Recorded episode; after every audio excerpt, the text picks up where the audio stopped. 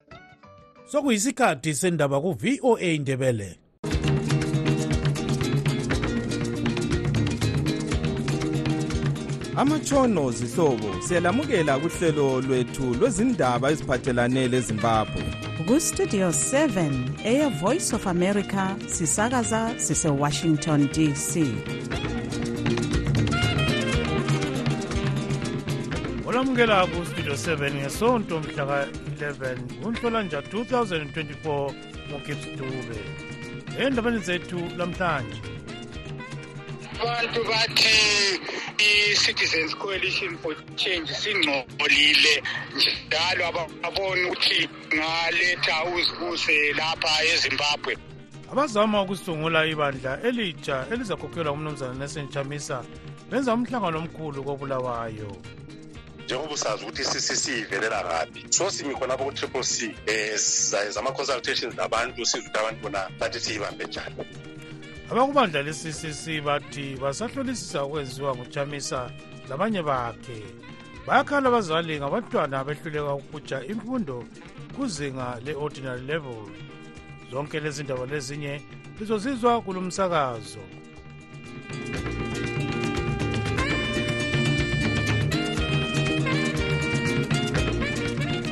abazama ukusungula ibandla elitsha elizakhokhelwa ngumnumzana nelson chamisa benza umhlangano omkhulu kobulawayo umhlangano lo kubikwa ukuba uphazamiswe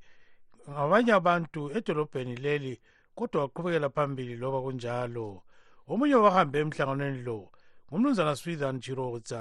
osekela uchamisa osanda kuchiya ibandla le-ccc esithi seliqanjulwe ngumongameli emerson mnangagwa abantu bathi i-citizens coalition for change singcolile njalo ababoni ukuthi ngaletha uzibuse lapha ezimbabwe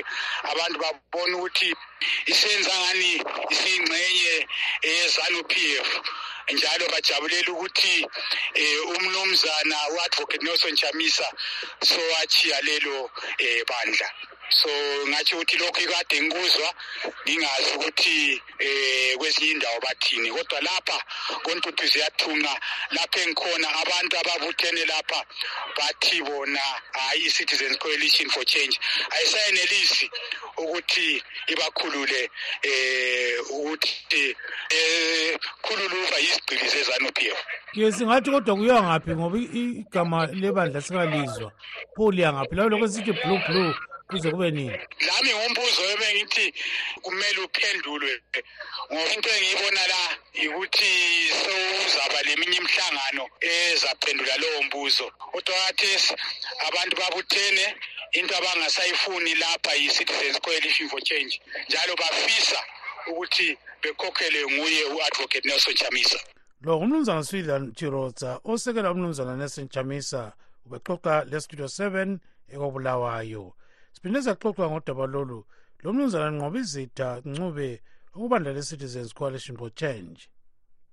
asikabi kwazi ukuthi upresident uyangaphi maybe uyaphumula maybe uyayenza okunye asilaqiniso lakho so sisabambelele kuyona leyi i-ccc njengoba usazi ukuthi i-ccc ivelela ngaphi so simi khonapho ku-triple c um eh, sizayenza ama-consultations labantu siza ukuthi abantu bona bathi siyibambe njani ye nxa sisikhangela-ke kathesi kungani akula muntu okhanya engumkhokheli wayo i-ccc leyi ingani nje iyasihambela nje itshaya ngumoya egangeni ingani lidlozi elilahlekileyo nxa kunjalo uzahlala kuze kuthini um eh, anti uyabona ukuthi okwenze umongameli waze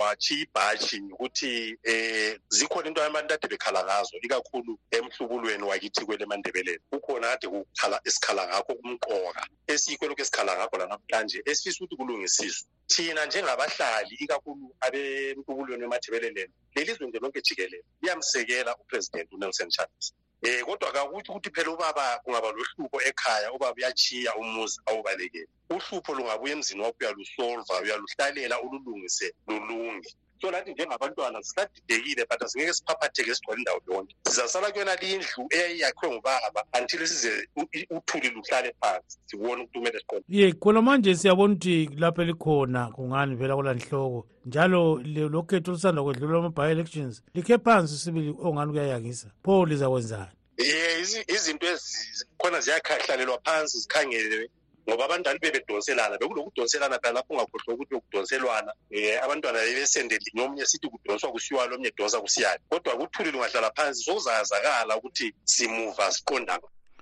lo ngumnumzana nqobe zida ncube okubandla le-citizens coalition for change ubexoxa lestudio 7 ekobulawayo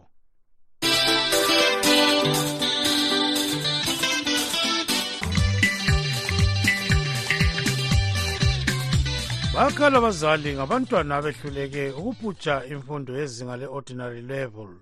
izikolo ezintathu kazitholanga ngitsho loyedwa obhutshe kahle izifundo 0 percent ake sizwe umnumzana morven qhelisa ngwenya ohlala edaluka exoxa ngodaba lolu ngele njalo um eh, ipasreti eh, imadosi lobanda sumakhonyana ma-zero percent um okuhandileyo um sike sikunanzelele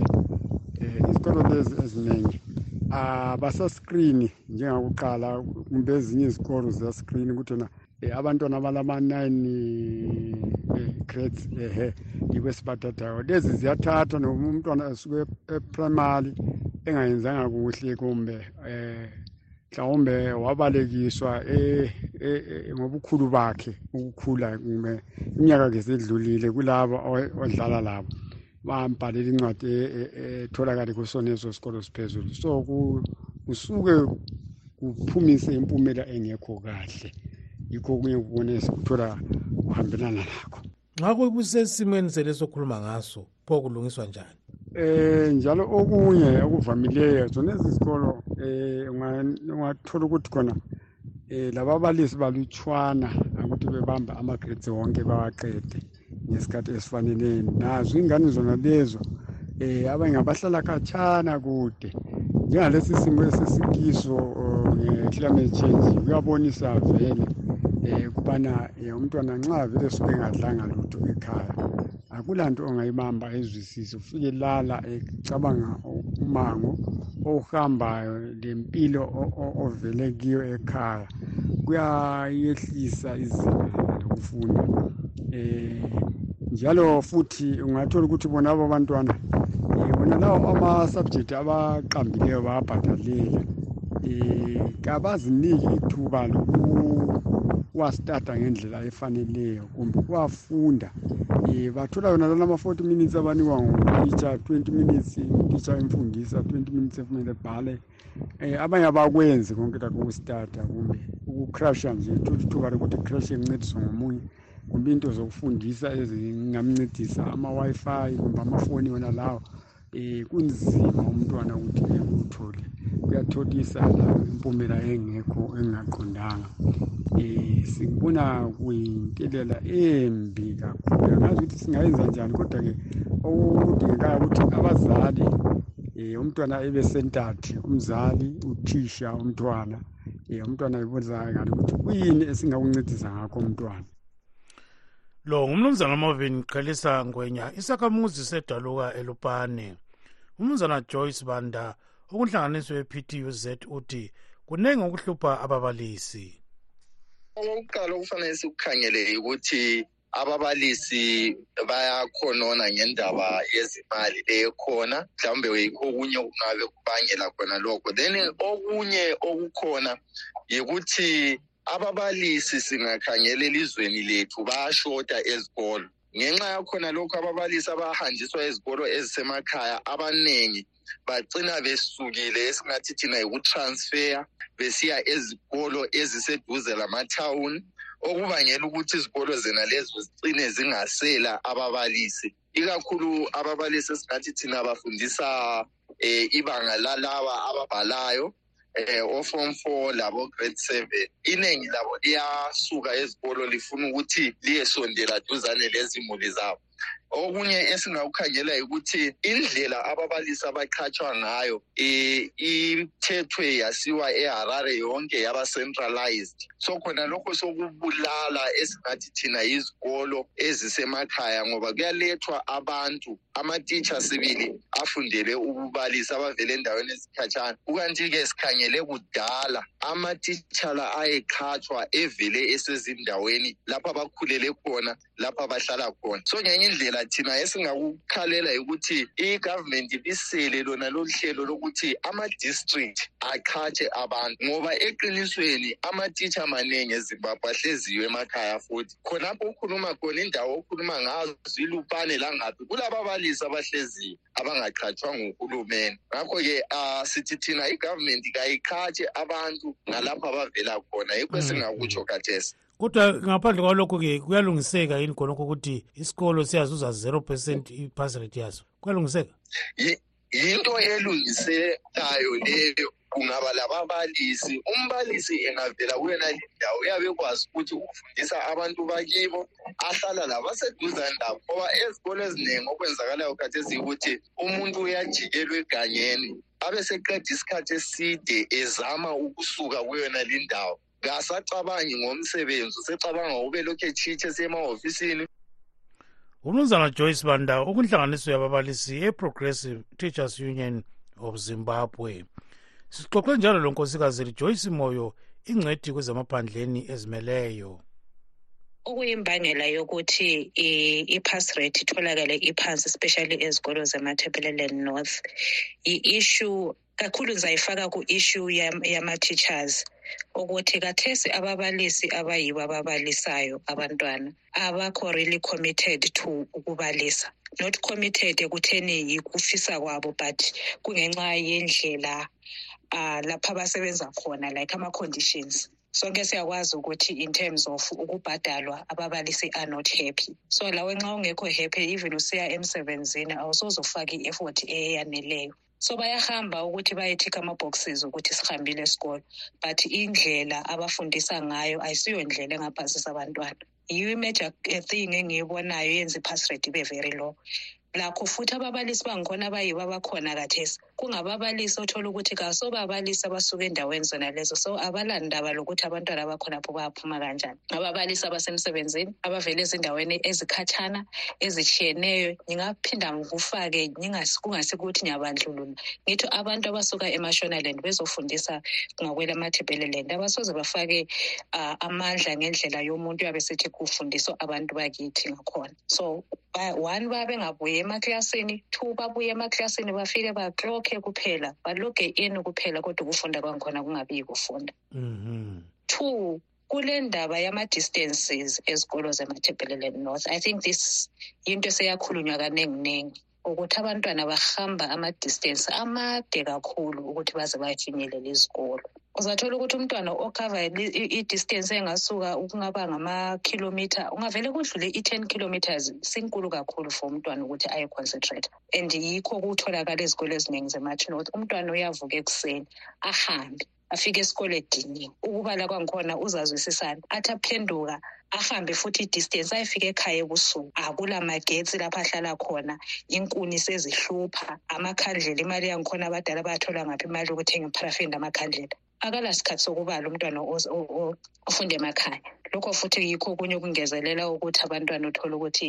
ekupaseni vele asisesekhatshana hmm, kulungiswa njani hmm, kulungiswa njani khonokho lokhu sokudinga vele ukuthi sibe lohulumende ovele elokunakekela abantu olabantu ethatha othi lalapho abantu bekhuluma alalela these are not new things okuthiwa kukhulunywa okokuqala yizinto ezitshona zikhulunywa but asikaboni i-effort ekhanyayo ukuthi kuyalungiswa lokhu futhi sokusitsho ukuthi asingakufaki ezandleni zikahulumende kuphela because we've seen ukuthi uhulumende uvele uh, usesekhatshana lakho abadala abayibo abazali babantwana akube yibo asebezama ukuthi kathesi bakhangele ukuthi abantwana babo baphiwa imfundo esezingeni elinjani bakhona abadala asebefundile ezigabeni zona lezo abanye bangaphandle kwamazwe abanye bakhona basemadolobheni bangathi nxa sekuthe bona bafunda baya kwezinye indawo bakhohle lapho abavela khona now it means ukuthi sekumele kutholakale ama-solutions avelela ebantwini bazona lezo ndawo ukuthi bake babone ukuthi labo babaphatheka endleleni yokuthi abantu ababo banjani bathole imfundo engalingcono it's not about uh, giving in monetary ukufaka imali phakathi okunye yikufaka imbono lo ngunkosikazi rejoice moyo ingcwethi yezemaphandleni ezimeleyo ye le yistudio seven esakaza ezimbabwe lisizwe ngapha sivela evoice of america ewashington okwamanje sokuyisikhathi sezokholo lwesikristu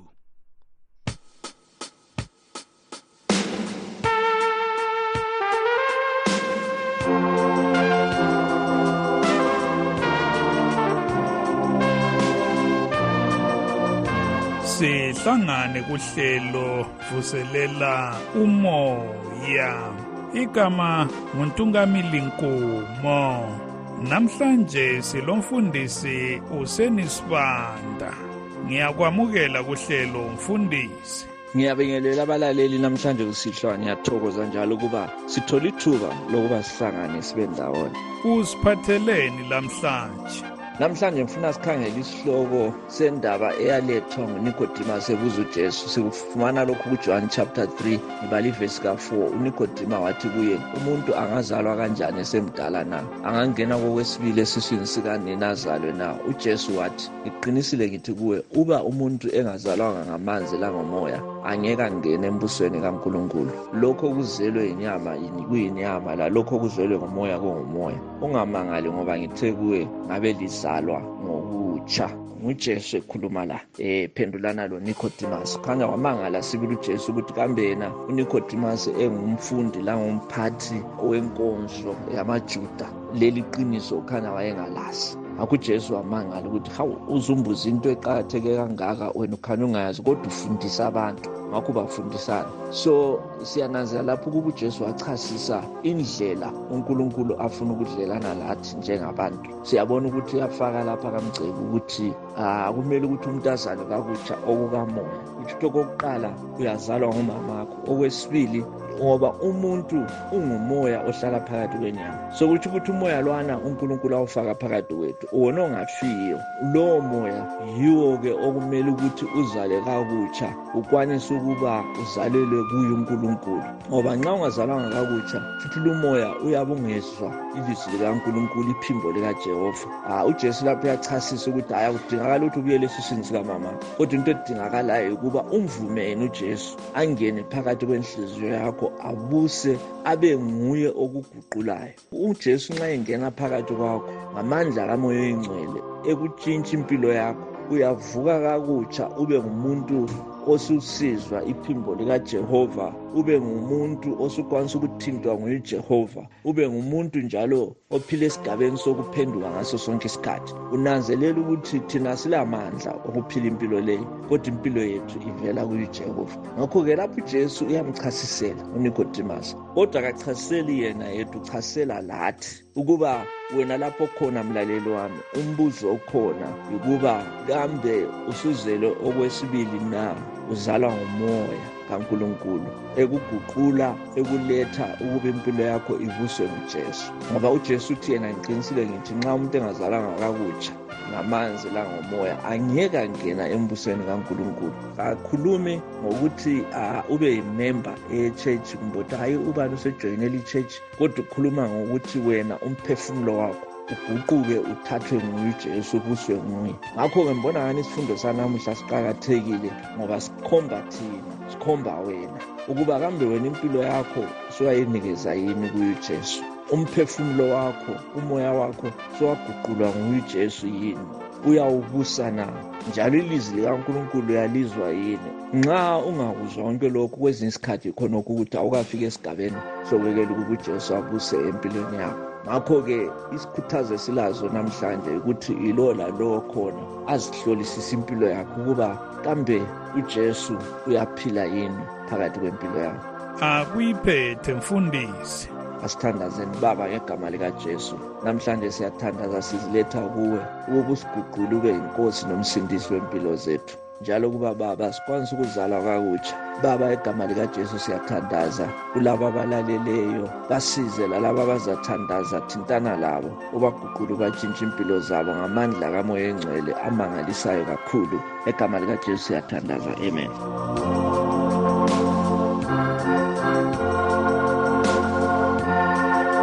lolo bekuluhlelo vuselela umoya silomfundisi usenisibanda thiyani indlebe kuhlelo lunye ngeviki ezayo lilami untungamili nkumo siyabonga kakhulu ntukameli nkomo sike sizwe ezabatsha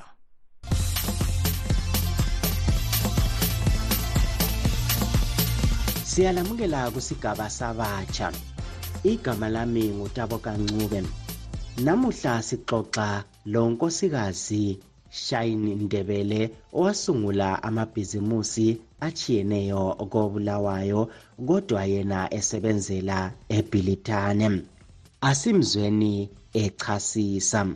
ibhizimusi lokuqala engizakhuluma ngalo yimqondisi inshine driving school sitholakala kulink estate ku-office number 8 between 10 and 11 george silunde ngakobulawayo siyafundisa abatshayeli abatsha ukuthi babe lama-provisional license siphinde sibafundise njalo ukutshayela izimota ngendlela eqondileyo njalo langendlela ephephileyo ukuthi babe ngabatshayeli abezenelisela ukulandela imilayo lemfundiso yonke ngesikhathi sebesemgwaqweni abatshayeli abazenelisa ukuthi bavikele abantu ezingozini baphinde baziphephise njalo labo ezingozini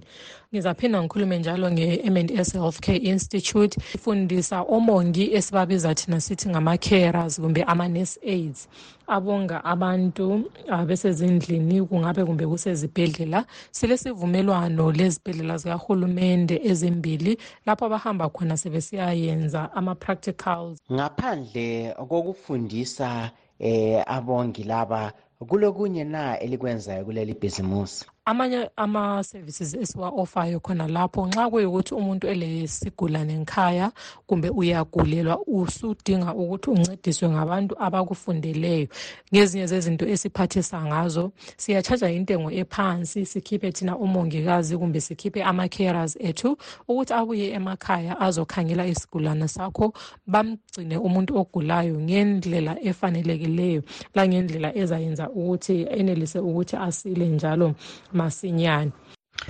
sizwa njalo ukuthi eh lilolunye uhlangothi njalo oluphathisa abantu lusebenza njani lolu hlangothi i-good news for life trust leyi i-organization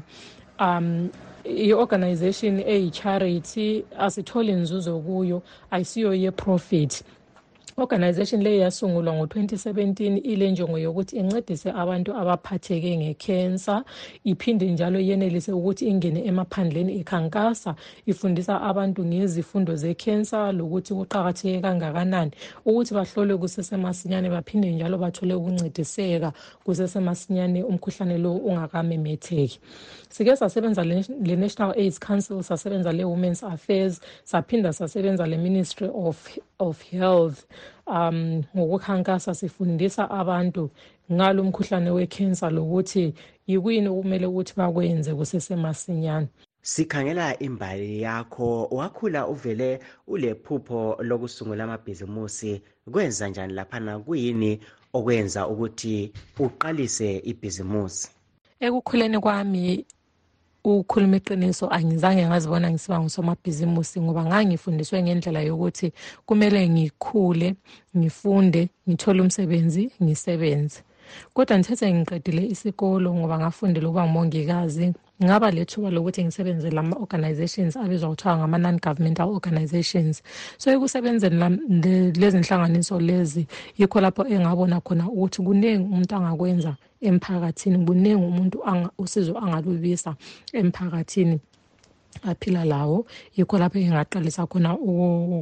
khangela ngelinye ilihlo ngase ngibona ukuthi amathuba amaningi njalo umuntu angangena kwezamabhizimusi eneliselayo ukuthi ancedise umphakathi ngezinye zezindlela yiwaphi amazwi ongawathiyela abanye eh abatsha abafuna ukuthi bangene kwezamabhizimusi engizakutshela abatsha abafuna ukungena kwezamabhizimusi yikuthi faka uNkulunkulu kuqala themba uNkulunkulu kukho konke ongabufisa ukukwenza ungakunikela kunkulunkulu unkulunkulu uyayenza ukuthi kwenzeke woba le-support system ifamily yakho ingakusaphotha ime lawe kukho konke okwenzayo uyenelisa ukuthi uphumelele njalo unqobe lokuyala ufunda ngezamabhizimusi kuqakathekile njalo kubalulekile ukuthi wazi okwenzakalayo ngoba izinto lezi ziyala zitshintsha kusigaba sabatsha namuhla besixoxa lonkosikazi shayini ndebele yena owasungula amabhizimusi atshiyeneyo kobulawayo kodwa esebenzela kwelebhilithane asihlanganeni ngesikhathi esifanayo sibonga kakhulu dobokancube ungadinelwa kusasa kwezomdlalo kulo mdlalo omkhulu owesuper bowl lamuhla kwelemelika uthakazelelwe ngabantu abaningi iqembu lesan francisco lidibana lelekansas zindala zombili kwesenguqu intatheli ezindaba yethu ezemidlalo ujoseph njanji usethulela imibono yabalandeli bomdlalo wenguqu phambilini komdlalo wokucina womncintiswano we-africa cup of nations ozadlalwa namhla ebusuku umlandeli womdlalo wenguqu utaurai mathandi rocha uthi iqembu lenigeria lizaphakamisa inkezo ngoba lilabagadli abayimbabazane Mna mbo Nigeria singatshaba nje. Nigeria yawo ile full force phambili. Counter yangu khona lana is strong. Nxa bengacontinue bekuformula la. Then eh hayi defense isolid Nigeria. Ngeke ngiyisola sola nje. Then Ivory Coast hey ilama mistakes, ilama wins amaningi ngale. Yayiwina amaphena lani lani. So I think Nigeria ile upper hand.